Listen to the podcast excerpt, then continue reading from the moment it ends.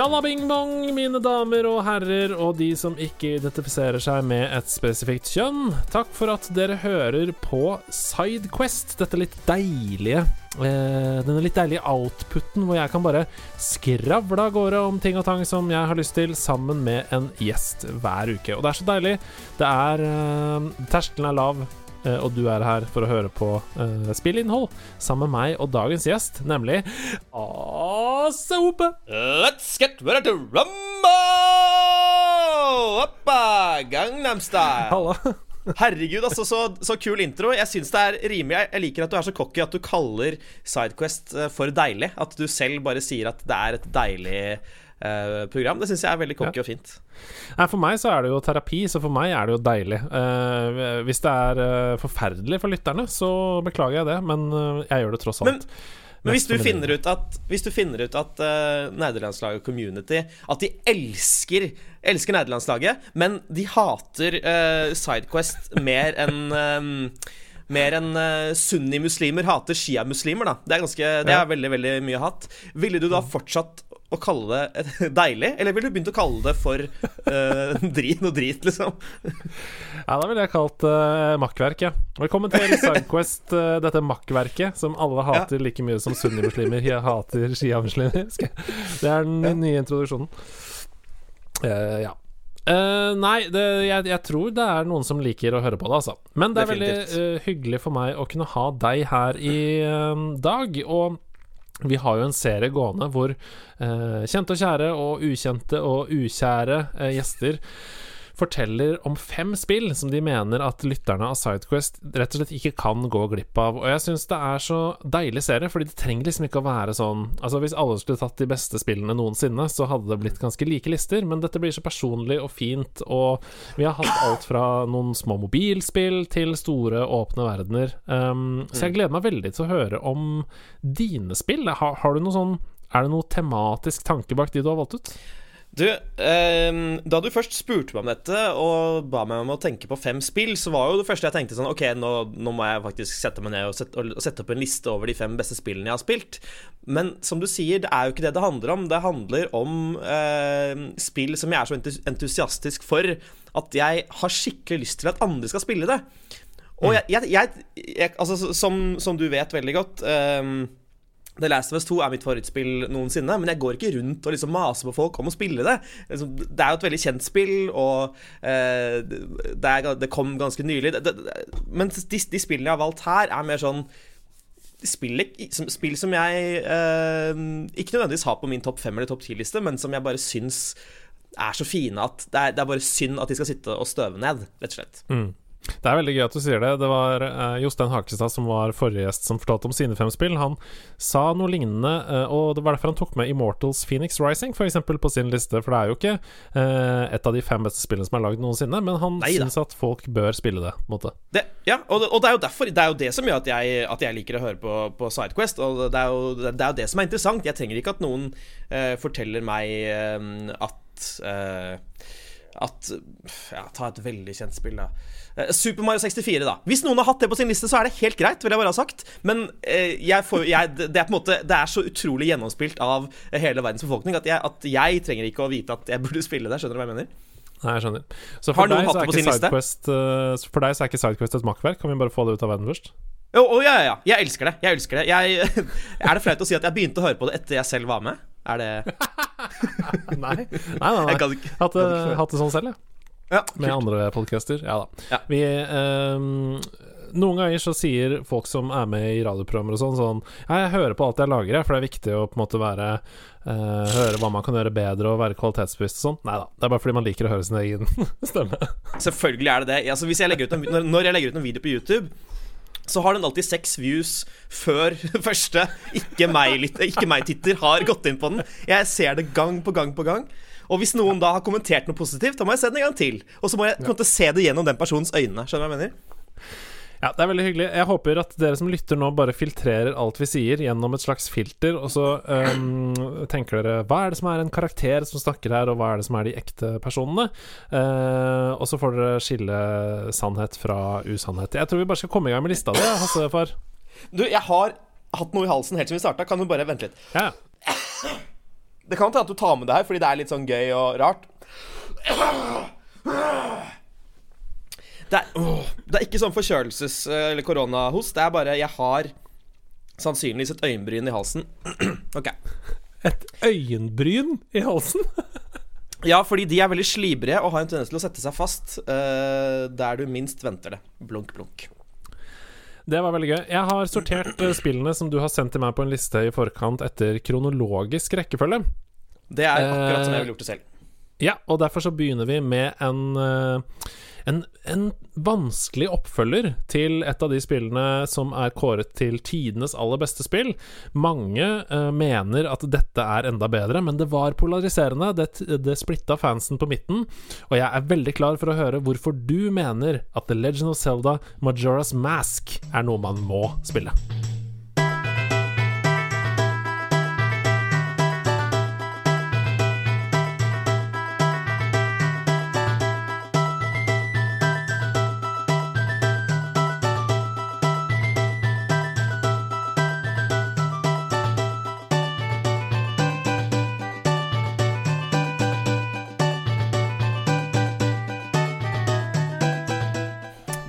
Er jo nettopp av det vi, vi snakket om i stad. Altså det at Altså, uh, Ocarina of Time er så Altså, det å si at det er tidenes beste spill, det er tidenes minste brannfakkel.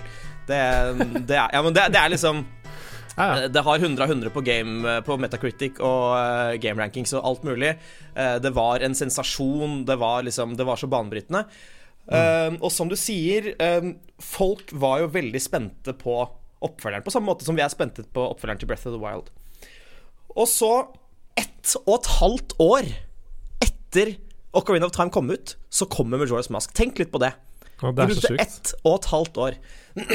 og spillet kommer, og, eh, og er vanvittig bra, men det, det splitter eh, fanbasen, fordi det er på ingen måte eh, Det har en helt annen stemning enn uh, Ocarina of Time.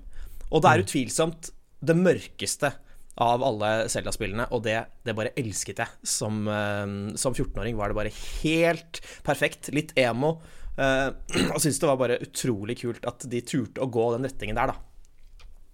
For dette, dette er jo rett og slett for, for, for dere som ikke har noe forhold til Majora's Mask, dette er jo da rett og slett et spill der eh, Link, altså hovedpersonen, han uh, er i en landsby der månen skal er på vei mot jorden, og tre, om tre dager så kommer månen til å utslette jorden og denne landsbyen. Og di, din oppgave er å unngå at det skjer. Uh, og bare det i seg selv er jo utrolig mørkt. Så den månen bare henger over deg hele tiden. Ja, jeg, jeg var så stressa av den klokka som telte ned. uh, som eh, var sånn Hvis du ikke har greid dette innen 72 timer i spillet, da som er 54 minutter i real time, Mm. så ødelegges hele verden. Um, og det er ikke liksom bare sånn Altså, dette er jo en um, rogue light. Det, det, det, har- jeg ikke tenkt på. Det er fint. Ja. Du, altså Det står jo til og med her på Wikipedia Så står det um, Keys and minor items will be lost As well as any rupees not in the bank Du mister, du mister alt du har fått til I løpet av de 72 timene Bortsett fra noen store ting da Sånn som for eksempel eh, Hvis du får en, et map eller en maske eller et våpen, eksempel, så beholder du det. Mm. Um, men det stressa meg altså så mye. Du må huske at jeg var et lite barn, og måten jeg spilte eh, Ocarina of Time på, var jo å slå på alt før jeg skjønte hvordan jeg kom videre. Jeg skjønte ikke engelsk engang. Eh, så da, da um, Majora's Mask kom, så jeg fikk, klarte det rett og slett ikke. Klarte det ikke. Nei, det, og det, det, det skjønner jeg veldig godt. Det er, eh, det er noe helt annet. eh, Fordi det handler ikke bare om game mechanics. Det handler ikke bare om du er flink til å bruke skjoldet, om du er flink til å lock on enem, eh, enemies osv. Det er denne, tid- dette tidsaspektet.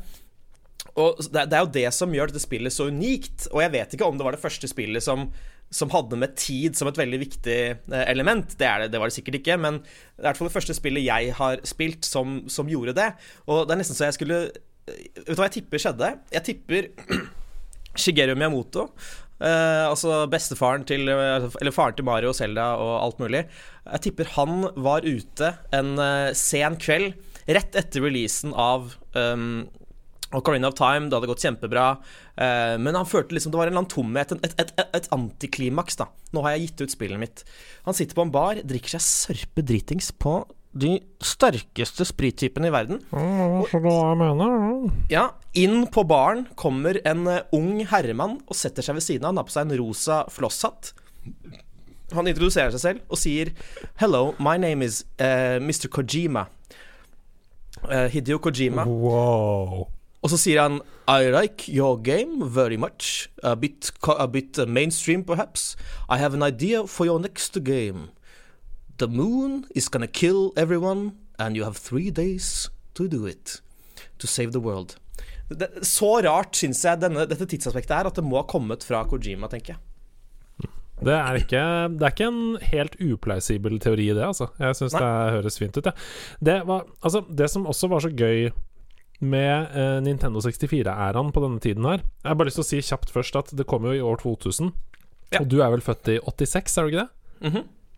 Så det betyr at du var 14 på det tidspunktet, og jeg var 12. Og jeg må bare si at det er ganske stor forskjell på en 12-åring og en 14-åring. Det skjer så sjukt mye de åra der. Eh, men, men jo, eh, slutten av Nintendo 64-æraen, eller ja, rundt her, da, så var det jo Nesten alle spillene som kom, krevde at du hadde en expansion pack, fordi maskinen var ikke bra nok til å spille spillet eh, base. Eh, Sånn som ble releasa, og det, det ble snakka litt for lite om, eller? Nå i dag hadde det vært en skandale hvis det kom et spill som du måtte kjøpe en 4 megabyte expansion pack og koble til din PlayStation 5 fordi PlayStation ikke var sterk nok til å spille spillet. Ja, det var, det var vel ram som det skulle At det ga dobbelt så mye ram, eller noe sånt, var det det? Mm, ja da. Det står her uh, Det står Hva er det står da? Uh, Majora's Mask runs on an upgraded version of the engine used in Ocarina of Time, and it requires the use of Nintendo 64's 4 megabyte expansion pack. Ja. Um, de to andre spillene som måtte ha det, var Donkey Kong 64 og Perfect Dark. Ja. Vil, kan, jeg, kan jeg komme med en fun fact? Um, Ja. Som du gjerne da kan klippe ut hvis det blir for langt, men jeg syns det er utrolig uh, Jeg syns det er veldig, veldig gøy, skjønner du. Mm. Og det handler om grunnen til at Expansion Pack ble laget i det hele tatt. Og det første spillet uh, på 64 som, som uh, trengte det, var jo da Donkey Kong 64. Mm. Og tingen er at Donkey Kong 64 trengte egentlig ikke Expansion Pack. Det Og som nå tror, skjedde jeg vet, nå tror jeg vet hva det er som Ja. kommer, men fortsett. Det som skjedde, og nå må vi huske at dette var uh, Donkey Kong kom vel i 99, tror jeg. Og eh, dette var jo før eh, internett var noe du kunne bruke med spillene dine. Du kunne ikke oppdatere spillet etter du hadde gitt det ut. Når du hadde gitt ut et spill på Nintendo 64, da hadde du gitt ut det spillet. Det var hvordan spillet var. Ingenting kunne gjøres med det. De skulle gi ut De hadde lansering om ikke så veldig lenge, og innså at det er eh, en veldig stor feil i spillet som ikke vi kan gjøre noe med fant ut at de kunne, ved å bruke den expansion packen, eh, fikse opp i den feilen. Uten å måtte liksom da publisere alle disse millionene av eh, cartridges på nytt og tape masse penger. Så de la det inn i den expansion packen, og uh, solgte da spillet sammen med expansion pack. Og så markedsførte de det som at Folkens, vi har gjort Nintendo 64 mye bedre. Fra og med nå så kan du bruke expansion pack, og du kan få enda bedre spill. Men alt det egentlig var, var en oppdatering til Donkey Kong 64. Det visste jeg ikke, det er helt fantastisk.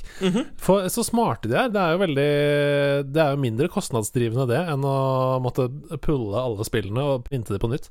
Selvfølgelig. Absolutt. Og jeg tviler ikke på at altså, de spillene som kom etter, sånn som Perfect Dark og, Murderous Mask, brukte nok eh, den ekstra kraften de hadde i den, men eh, Donkey Kong trengte det ikke overhodet. Nei, det er helt eh, magisk. Jeg trodde du skulle si at uh, det trengte egentlig ikke det, det ekstra maskinvaren, bortsett fra at de implementerte en sånn i siste liten. På starten. Å, ja! Og jeg, jeg elsker den rappen! Jeg elsker Ja. den rappen. Uh, kan du den uh, rappen uh, utenat, eller? DK Donkey Kong! Uh, performing for you. He's the first member of the DK crew. Put your hands together if you wanna clap as we take you through this monkey rap. Det er så bra. Det er, Det er Som jeg sa til Stian tidligere denne uka, hvis det hadde vært en eksamen, så hadde du fått terningkast seks. Ja, det, var, det er jo det vi opererte med, vi som var med på Reform 97. Det stemmer. Uh, Majora's Mask, uh, fantastisk, fantastisk spill. Vi går videre til det neste på lista di. Det kom i 2003 uh, til Windows. Eh, litt senere til um, Mac OS, faktisk 2005. Men jeg er veldig spent på hvorfor du har valgt ut dette spillet i den serien. For jeg har også spilt det, eh, men jeg vil ikke trekke det fram som på en måte det spillet i denne serien som jeg anbefaler andre å spille, så nå er jeg klar for å høre hvorfor. Det er Command Conquer Generals.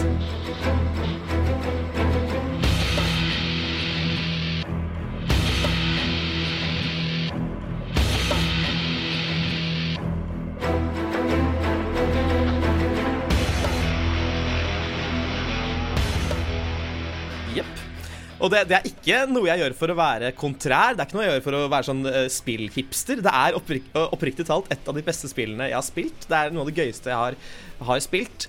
Og, og Command Conquer Generals er selvfølgelig da et, eh, et RTS, et real time strategy-spill. Litt sånn som ja, Command Conquer og Starcraft osv. Og, så Mm. Og på denne tiden så var jeg så dypt inne i Starcraft-boblen. Jeg hadde spilt det siden det kom ut i 98. Altså i fem år. I mange, mange mange, mange, mange timer hver dag. Jeg så på livesendinger fra uh, Sør-Korea der de hadde turneringer. Jeg så på replays fra de beste spillerne osv. Det. Jeg trengte, jeg trengte et, et, nytt spill som fikk meg litt ut av det. Mm. Og da så jeg at det kom et nytt uh, RTS-spill. Jeg så at det var kom en Conquer Generals. Hadde ikke noe forhold til serien i det hele tatt. Begynte å spille det og syntes det var fantastisk gøy. Og det som er greia da med Command Conquer Generals Hvis du tar f.eks. Starcraft, der har du uh, tre uh, raser. Ikke sant? Menneskene, Protoss og Zerg. Mm. Som er perfekt balansert, fordi Blizzard er uh, genier. Um, mens i Command Conquer Generals så har du sånn 12-14 forskjellige generaler eh, som, eh, som, har helt, eh, helt, ulike måter å spille på. Da. Um, altså Hovedfraksjonene er Kina, USA og ja. The Global Liberation Army.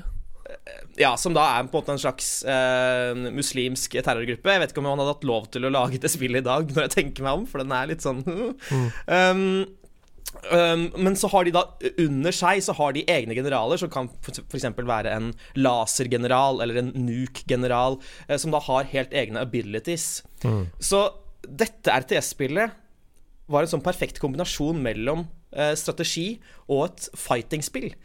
Altså, det, var, det, litt, det, var litt som å spille Street Fighter, der du på en måte velger en karakter, og så har den visse abilities, og så bruker du dem så godt du kan. Mm. På samme måte gjorde det i Generals, og det gjorde at jeg aldri fikk nok. Jeg kunne bare, Hvis jeg ble lei av en general, så bare switcha jeg til en annen, og sånn holdt jeg på i mange, mange, mange, mange år. Og jeg syns det var helt fantastisk gøy. Ja, jeg har også kost meg veldig med uh, Command Conquer General, så jeg spilte jo både Tiberian Sun, uh, Red Alert, Red Alert 2, uh, eh, til en viss grad litt Red Alert 3 også, og da Command Conquer Generals. Og grunnen til at jeg spilte Generals, var fordi det var jo en periode av livet, som Sebastian Brunstad også har sagt, alle vi som jobber i den kreative bransjen, prøver å skvise gaming-PC ut av Mac på et tidspunkt. jeg, jeg, hadde det sånn med Generals. Det var et av de spillene som jeg tenkte sånn Å, jeg kan spille det på Mac! Det er sikkert skikkelig sånn som Tiberian Sun. uh, det var ikke skikkelig sånn som Tiberian Sun, men det var, er ganske bra. Uh, så Derfor så koste jeg meg med det på Mac, da. Mens jeg gikk på uh, Westerdals og sånne ting. Uh, litt etter da at det hadde kommet. Men koste meg veldig med det. vet du at det er banna i Kina? Nei, kødd. Er det sant? Er det sant? Ja, ja. Det er veldig interessant. Fordi altså Alle de tre fraksjonene uh, Altså Jeg føler de spiller på stereotypier rundt alle tre, eh, inkludert Kina, liksom. At de er veldig sånn uh, Alle skal gjøre det samme, og du skal ha liksom, en stor leder bak og sånn. Men jeg føler ikke de er så veldig negative til Kina. Men der ser du. Der ser du. Nei, det er, hele Generals-serien er banna i, i, Kina. Men det er veldig gøy, for i den, i den kinesiske campaign-delen da, så uh, skal du jo f.eks. levele Hongkong uh, Convention Center med jorda. Um, I den kinesiske kampanjen. Og du skal også Altså, i mye av Beijing blir også ødelagt av en sånn atombombe, vel? Ja, ikke sant. Det kan de ikke ha noe av. Nei, jeg ser den. Nei, det kan vi ikke ha noe av. Jeg ser også her at det er banda i Tyskland. Nei, vet du hva, det tror jeg ikke noe på engang. Det er noe du med piss. Dette er, selvfølgelig er det ikke det. Hva er det du snakker om? Det er det dummeste jeg har hørt, Andreas.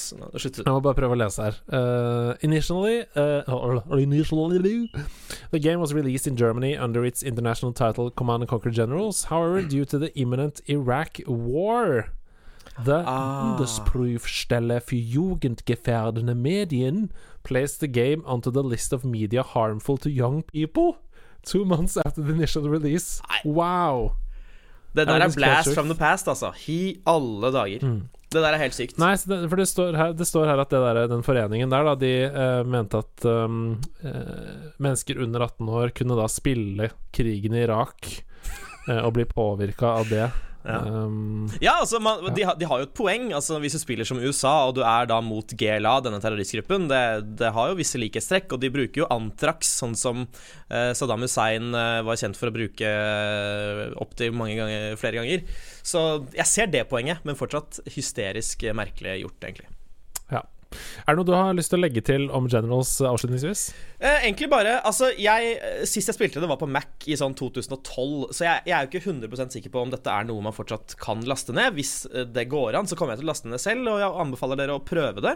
Det har en litt sånn tegneserie Eller ikke tegneserieaktig, men eh, den visuelle stilen er sånn at jeg tror ikke det nødvendigvis har Uh, tapt seg så mye pga. tidens tann. Jeg tror fortsatt det er ganske gøy å spille det. Og RTS-sjangeren er eh, har jo vært veldig fattig eh, i mange, mange, mange år. Det er en sjanger som blir satsa veldig lite på. Så hvis det er en sjanger du liker, så vil jeg absolutt teste ut det spillet her. Deilig. Vi skal bare ett år fram i tid, til det herrens år 2004.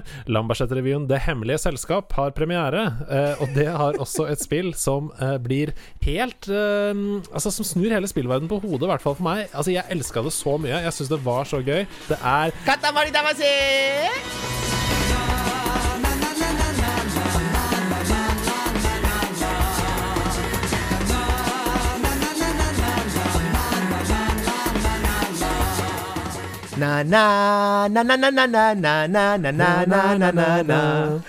Det er, er få spilltitler du kan si til meg som gjør at jeg smiler mer enn når jeg hører den tittelen. Det er bare pur eh, merkelig spillglede.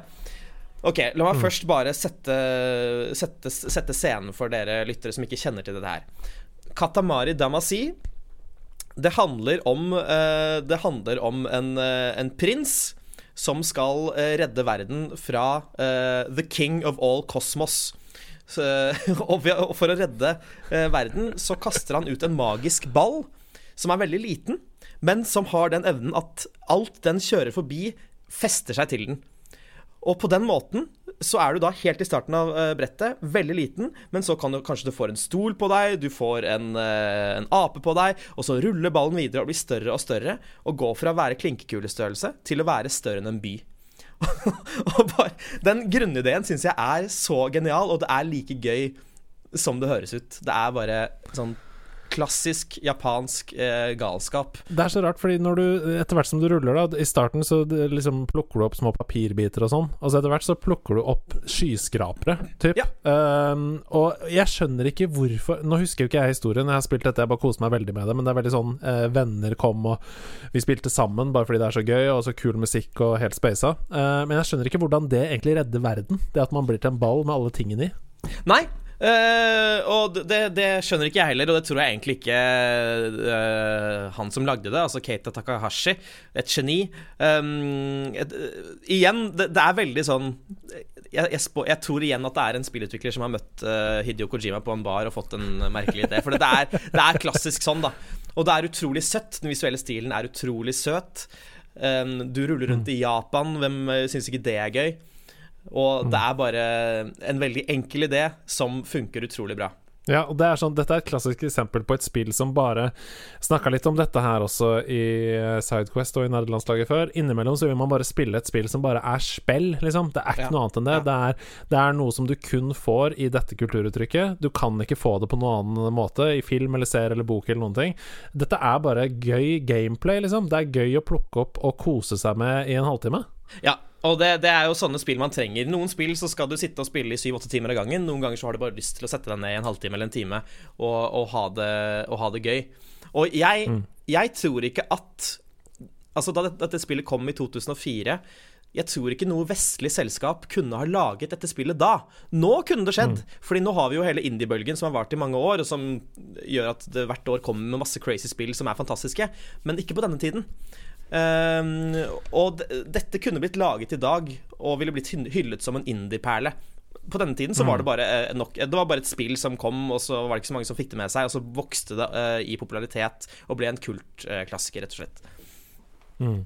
Og fordi stilen er så distinkt og cartoony, og uh, fordi gameplayet er så utrolig helstøpt, da Jeg vil si at liksom um, Kontrollene er som Mario 64, liksom. De er, de er dritbra fortsatt. Ja. Så har det holdt seg. Det er det jeg skal fram til. Hvis du, hvis du plukker det opp uh, i 2021 for å spille det fordi du syns det høres gøy ut etter å ha hørt på oss her nå, så kommer du til å ha en skikkelig god opplevelse. Og det er digg med sånne spill. Ja, jeg, ganske, jeg, jeg, jeg kan veldig, veldig trygt anbefale folk å spille det her. Og det som er så fantastisk Altså, dette spillet kom som sagt i 2004. Det er jo da eh, 17 år siden. Men det, det ble lansert eh, Fikk en nylansering, litt oppusset versjon, på Windows og Switch i 2018. Og på PlayStation 4 og Xbox One i 2020. Så folkens, dere kan superlett gå og spille til spillet. Det koster sikkert tre kroner. Uh, og, og, dere kommer til å elske det, liksom. Det er bare å laste ned, folkens. Det er bare å kjøre og laste ned. Du skal få si det du skulle si, altså. Men uh, det høres ut som et perfekt Switch-spill, da. Fy søren. Jeg skal laste ned med en gang etter vi er ferdig her. Ja, gjør det. Gjør det, gjør det. Jeg skal også gjøre det på, på PC, da, fordi nå er jo jeg PC-spiller. Oh, ja, det, det, skal vi snakke mer om etterpå. Vi skulle egentlig tatt ja. det innledningsvis, selvfølgelig. Men uh, si det du skulle si om Katamari. Ja, uh, for jeg føler nå har jeg jo Jeg har hyllet dette spillet opp i, i skyene, men det er en, en, ting til som må nevnes. Vi var liksom på en måte inne på det da vi begynte å snakke her, men det er rett og slett musikken. Fordi Det er så bra. Dette spillet har, uten å overdrive, et av tidenes beste soundtracks til et spill. Det og er så gøy. Det er rett og slett eh, en potpurri av alle musikksjangerne du finner i hele verden. Du har jazz, klassisk, eh, bluegrass, eh, j-pop. Og alle sangene er bare så helstøpt og positive og morsomme og, og bra at Altså, jeg har uh, Helt siden jeg fikk meg iPod, så er liksom det noe av det jeg har hørt mest på, er spillmusikken til dette spillet. Det er helt forbanna magisk. Ja, for det er faktisk eh, Det er sånn at det er helt umulig å bli i dårlig humør av Katamari Damasi. Jeg er helt enig. Helt enig. Og jeg håper du kan spille av en liten snutt eh, fra fra musikken eh, f.eks. nå, eller kanskje du har gjort det tidligere. Det er umulig for meg å si.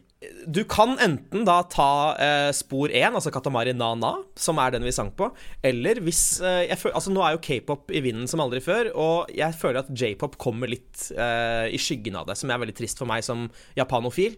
Og da, Derfor vil jeg veldig gjerne høre 'Lonely Rolling Star' av Yoshitito Yano. Da kommer det litt j-pop i ørene deres her nå.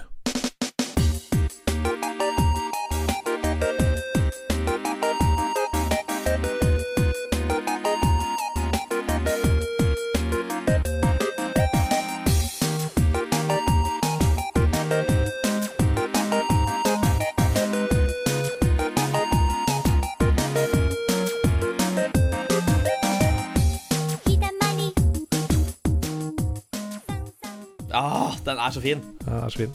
Ok, fra Japan så skal vi helt til andre siden av verden, faktisk. Um, fra Japan og helt over til Sverige. Uh, et helt annet land som da er, også er på jorda. Uh, I 2013 så kom det nemlig et spill ut av uh, Sverige fra en fyr som var mest kjent for å lage film, annet uh, Kops og Jalla Jalla. Uh, dette spillet her har farget meg for alltid. Det har prega meg i min spillkarriere og som menneske. Um, og jeg har skrevet et troféskap til det. Jeg snakker om Brothers, A Tale of Two Sons.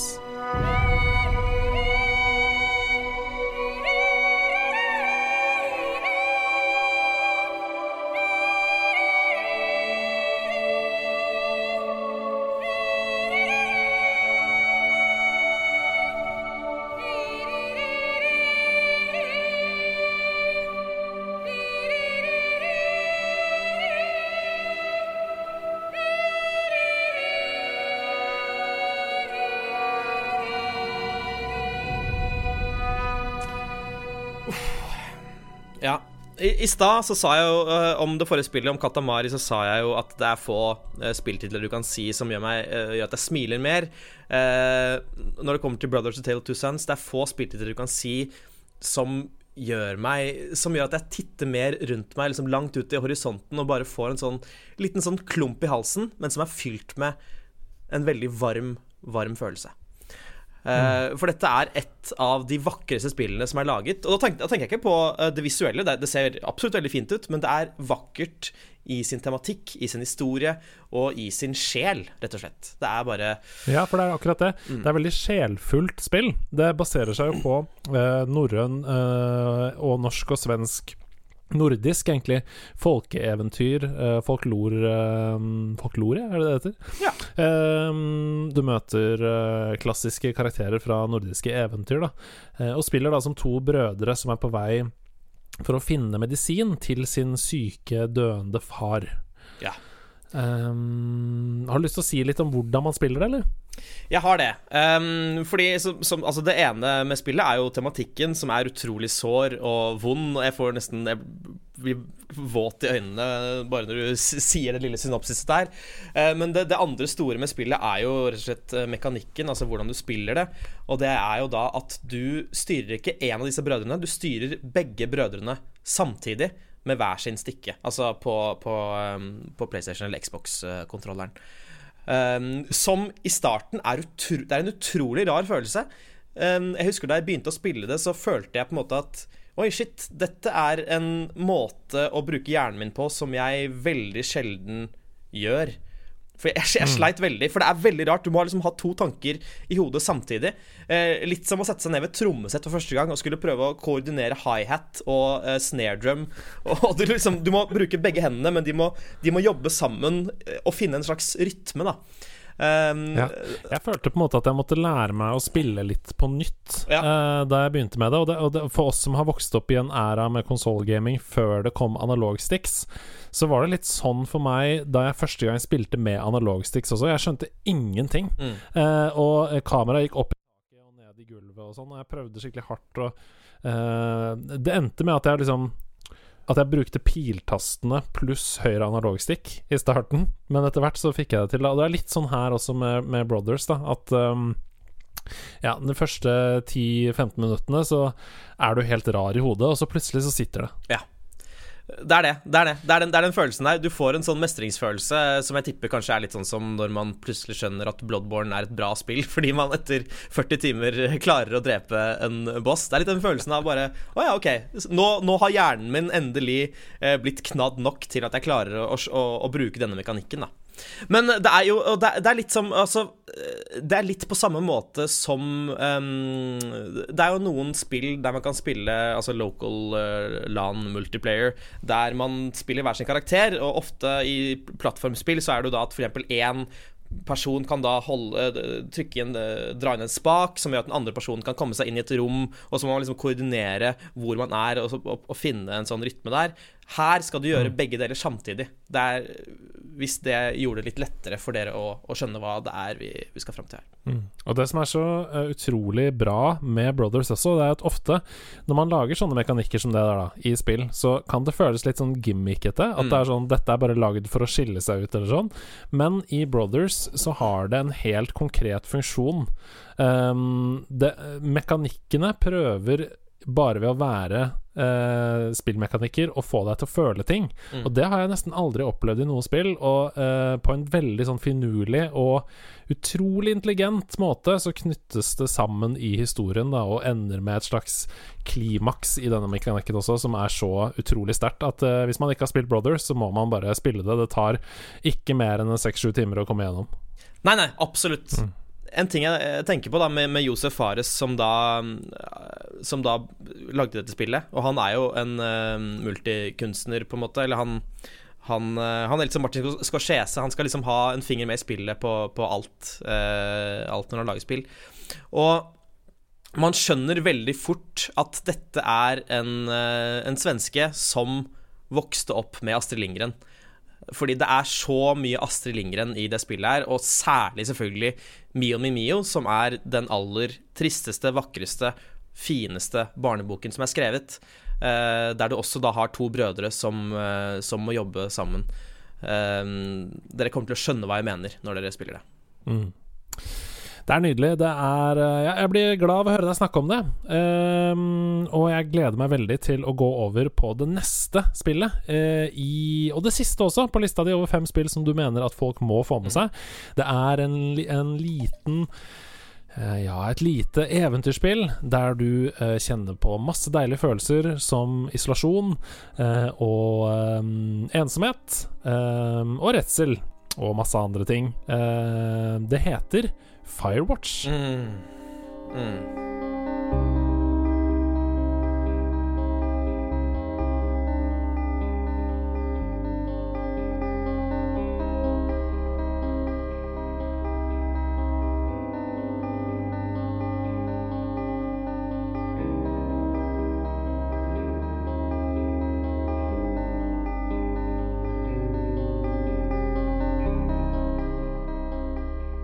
Hvilken følelse får du når jeg sier den tittelen?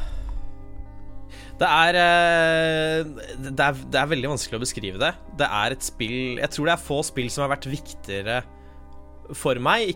Ikke bare som spiller, men, men bare som, som menneske. Uh, som jeg mm. skjønner, jeg skjønner, at det er veldig uh, voldsomme, store ord, men ja, det, det, er et veldig, veldig viktig spill for meg. Og La meg bare først uh, kjapt beskrive hva dette handler om. Altså, du, du um, spiller som uh, en uh, fyr som heter Henry. Som har en kone som blir gradvis mer og mer dement. Og det er fryktelig trist for ham, for han elsker henne. Og ender opp med å dra til ut i skauen og bli hva er det vi kaller det på norsk, da? Altså uh, Skogvokter? Er det... Skogvokter er vel det riktige ordet. Skogvokter i et sånt uh, høyt tårn som liksom rager over uh, skogen. Mm. Og, og, bare for å få litt alenetid, da. Mm. og så følger du på en måte han. Han går gjennom skogen og løser diverse oppdrag. Og så, og så kommer han etter hvert i kontakt med sin sjef, som heter Delilah. Uh, som han da kommuniserer med, og som gir han oppdrag. Men så etter hvert så utvikler de en utrolig vakker og fin vennskapelig uh, relasjon. Og det er um, Det som er tingen Altså, jeg uh, for, for, å bli litt selvpsykologisk, holdt jeg på å si Jeg er en mye mer introvert person enn mange skulle tro. Jeg er mm veldig, veldig langt over på det introverte eh, spekteret. Og det er ikke bare sånn at jeg trives i mitt eget selskap, jeg trenger mitt eget selskap veldig, mm. veldig mye. Jeg eh, liker å møte mennesker, jeg liker å snakke med mennesker og være på fester osv., men jeg setter utrolig stor pris på det å kunne være alene. Og samtidig så er det noe jeg skammer meg over. Fordi jeg føler at særlig i min bransje så skal man være veldig sosial, man skal være med på ting hele tiden. Mm. sånn at når jeg da drar hjem tidlig fra en fest fordi jeg bare kjenner at nei, nå har jeg lyst til å sitte og game eller bare sitte og se på et eller annet aleine, så, så, blir jeg litt skamfull.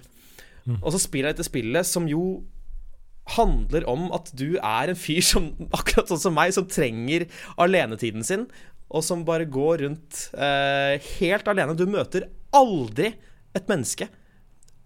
Det kan godt være en spoiler, men jeg, jeg sier det uansett. Du møter aldri et annet menneske i dette spillet og bare uh, nyter naturen og, uh, og, alt dette. Og så kommer vi til det andre, som er at jeg uh, jeg, jeg, prøver aktivt å, å få meg en, en kjæreste. Uh, og, og, prøver veldig hardt å få det til, og syns det er liksom vanskelig fordi jeg syns det er vanskelig å finne noen jeg bonder ordentlig med. Da. Mm. Uh, og den relasjonen som da Henry får med uh, Delilah den kjemien de får, er bare så grunnleggende ekte og vakker og jeg vet ikke, Den er så genuin, da, at jeg, jeg blir helt Jeg blir forelska, ikke i Delilah, jeg blir forelska i deres relasjon.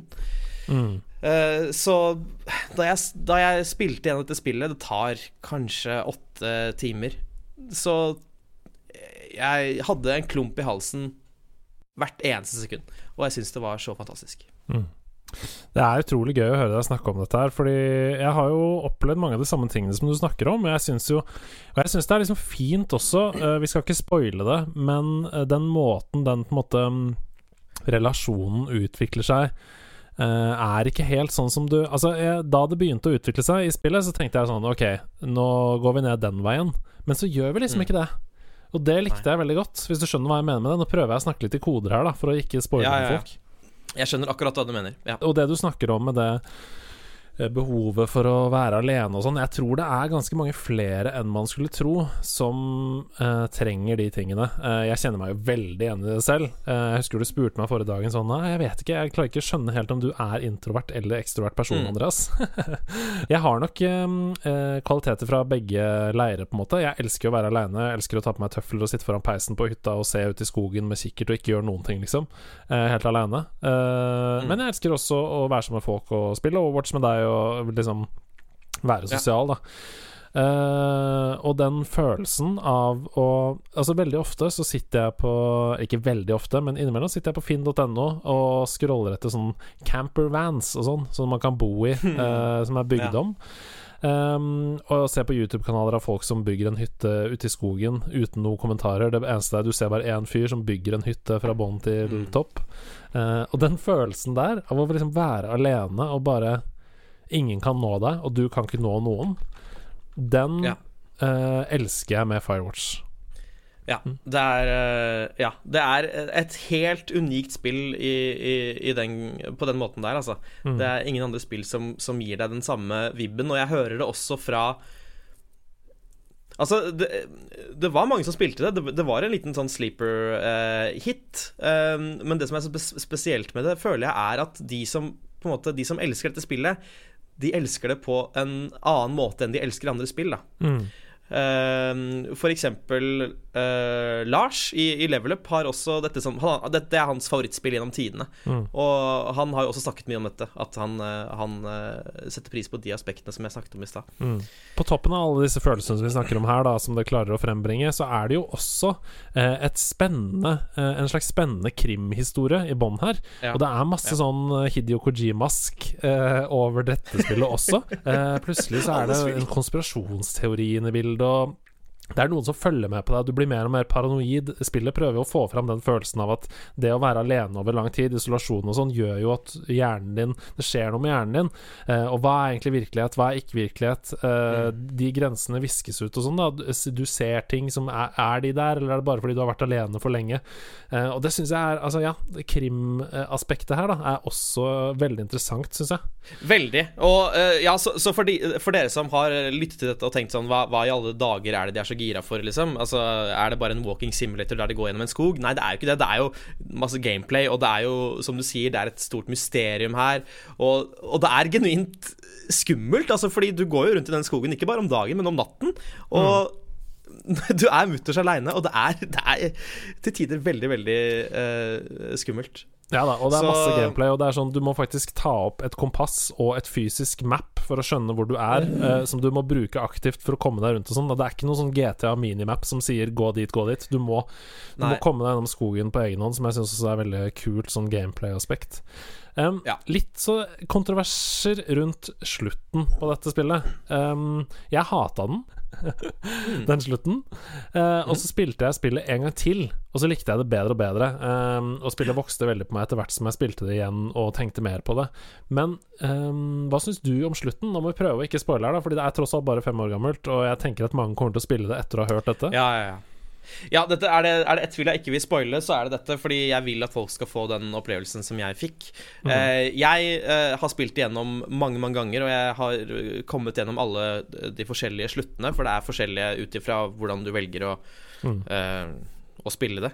Det skjønte ikke jeg vet, Eh, første gang jeg spilte det. Så skjønte jeg ikke det. Så Ja, så, så spill det gjennom flere ganger, folkens. Uh, jeg, jeg, for meg så var det helt, helt riktig. Eh, jeg, jeg, jeg, er veldig redd for å snakke. Jeg, vil ikke Nei. Um, altså, er det ett spill av de spillene som jeg har nevnt i dag, som jeg håper folk uh, som ikke har spilt det, vil spille, så er det dette. Fordi jeg tror det er mange som er sånn som meg der ute, og, og som kan få samme opplevelse. Fordi det er sånn at i vårt samfunn så er det Uh, Selv om vi, uh, det blir mer og mer åpent og det er mer og mer uh, godtatt å være på forskjellige måter, så er det fortsatt sånn at introvert er underlegent ekstrovert. Sånn er det bare. Vi, vi, ser opp til mennesker som er sosiale. Vi ser opp til mennesker som kan ta rommet, som kan Som på en måte er festens midtpunkt. Litt på samme måte Litt på samme måte som noe jeg merker veldig ofte, at uh, vi foretrekker Altså at hele verden er bygget rundt A-mennesker. Jeg er et ekstremt B-menneske og syns det er veldig uh, pinlig å, å, være han som er skikkelig trøtt når jeg må stå opp klokka ti, liksom.